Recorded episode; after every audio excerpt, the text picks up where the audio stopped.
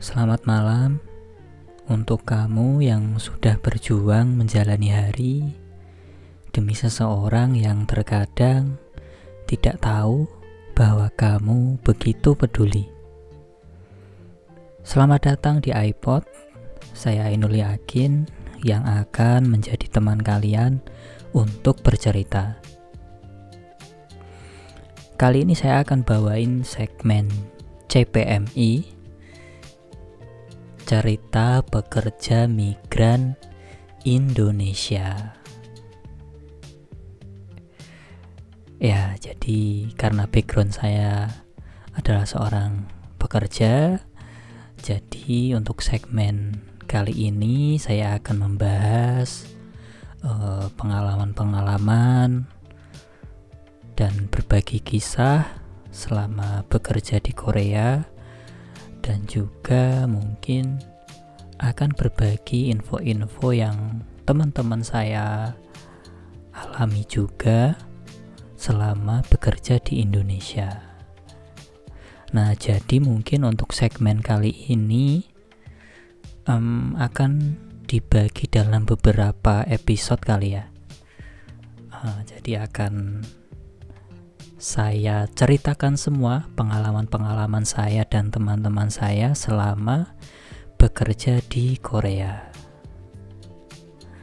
Baik, uh, untuk kali ini saya akan bercerita tentang ekspektasi kerja di Korea. Ya, jadi dulu waktu mau berangkat ke Korea itu banyaklah ekspektasi. Kemudian berandai-andai kira-kira kerjanya di Korea itu bagaimana. Tapi sebelum itu saya akan sampaikan beberapa hal. Hmm, mungkin sebagai perkenalan juga nama saya Ainul Yakin. Saya aslinya dari Gerobokan Jawa Tengah. Nah, selain bekerja di sini saya juga kuliah di Universitas Terbuka Korea jurusan Ilmu Komunikasi. Um, saya kerja di Korea sudah empat tahun, jadi sudah lumayan banyak mengalami keluh kesah, tantangan dan rintangan suka duka selama kerja di Korea. Kemudian di sini saya bekerja di pabrik mesin pertanian. Tepatnya produk yang kita produksi adalah mesin pengolah hasil pertanian. Jadi ada mesin pengering, ya mesin pencuci hasil pertanian dan sebagainya. Jadi bukan mesin yang buat manen atau buat mupuk dan sebagainya.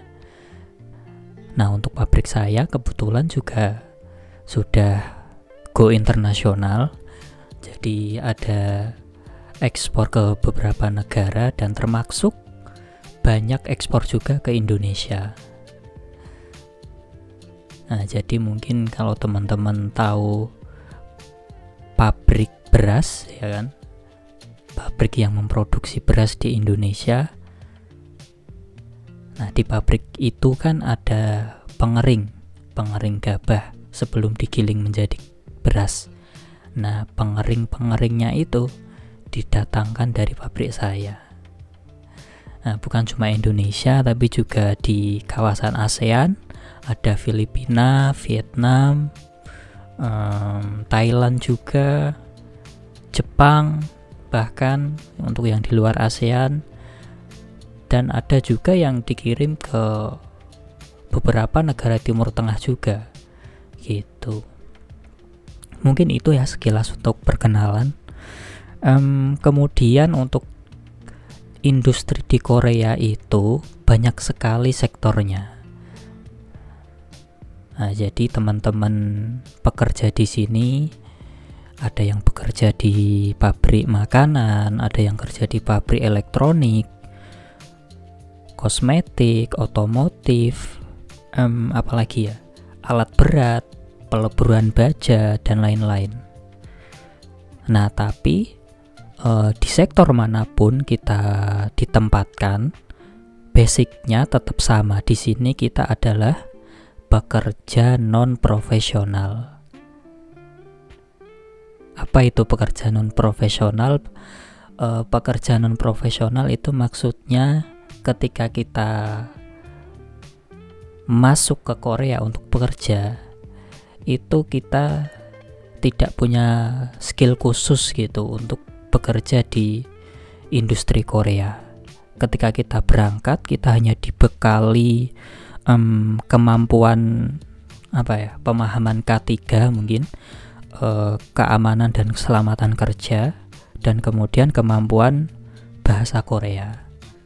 Nah, bahkan teman-teman juga banyak yang tidak begitu lancar bahasa Korea tapi sampai juga di Korea. Yang penting lulus ujian. Gitu. Um, anyway kembali ke ekspektasi sebelum berangkat ke Korea.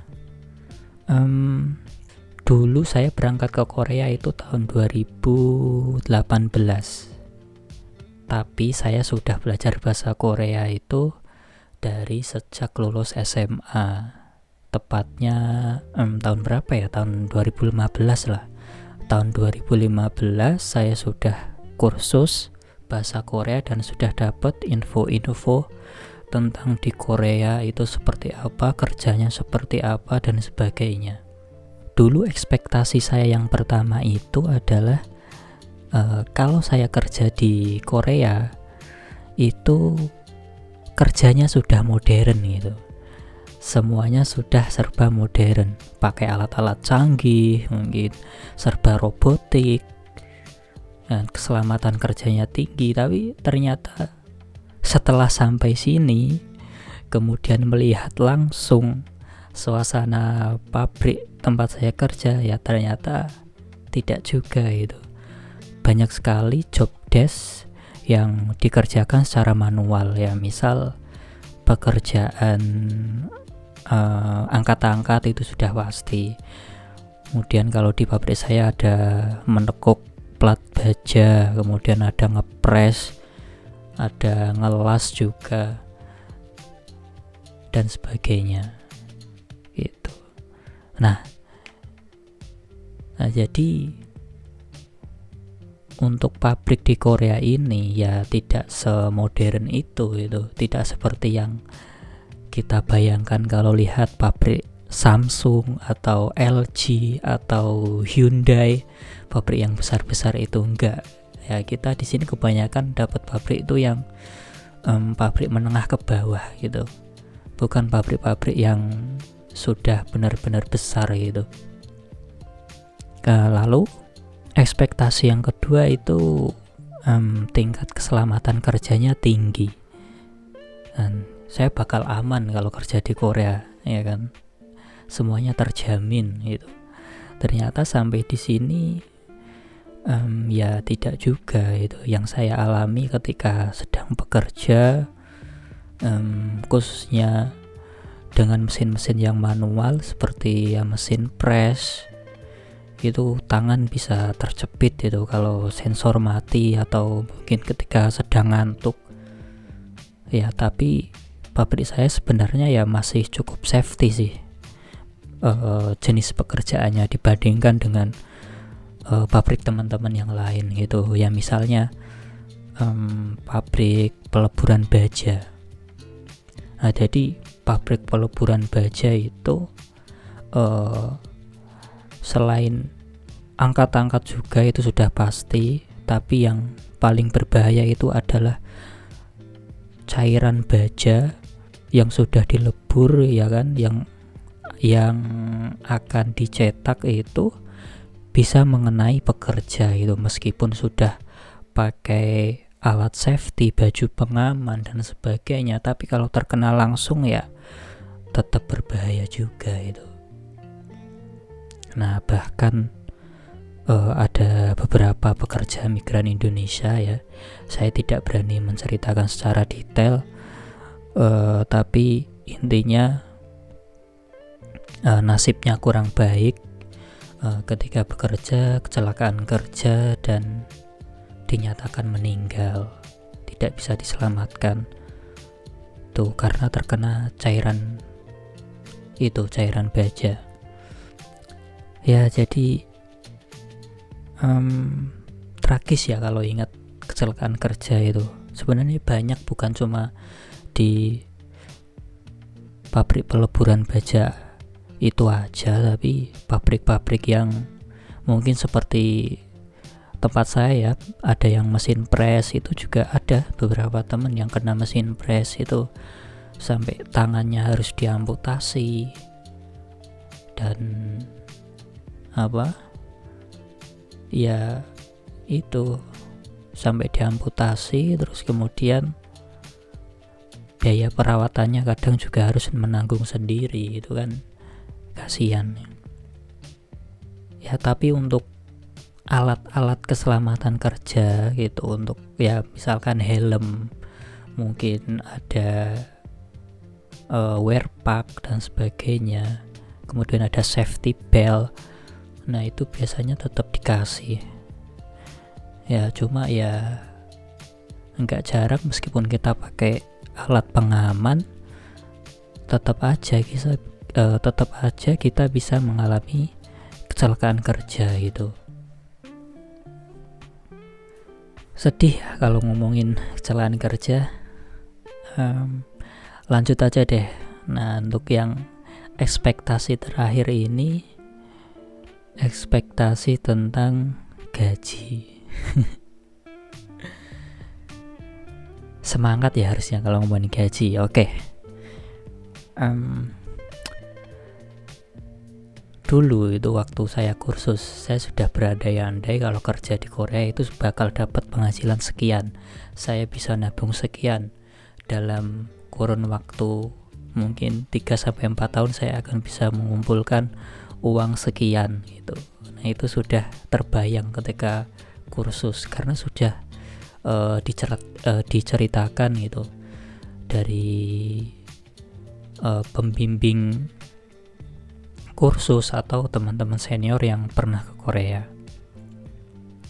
Nah, dulu ekspektasi soal gaji itu uh, saya berpikir bisa berpenghasilan sekitar 20 juta per bulan.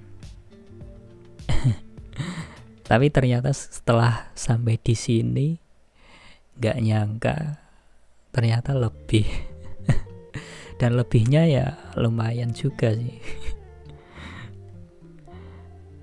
Tapi yang perlu diingat adalah Korea itu menetapkan gaji pekerja secara nasional.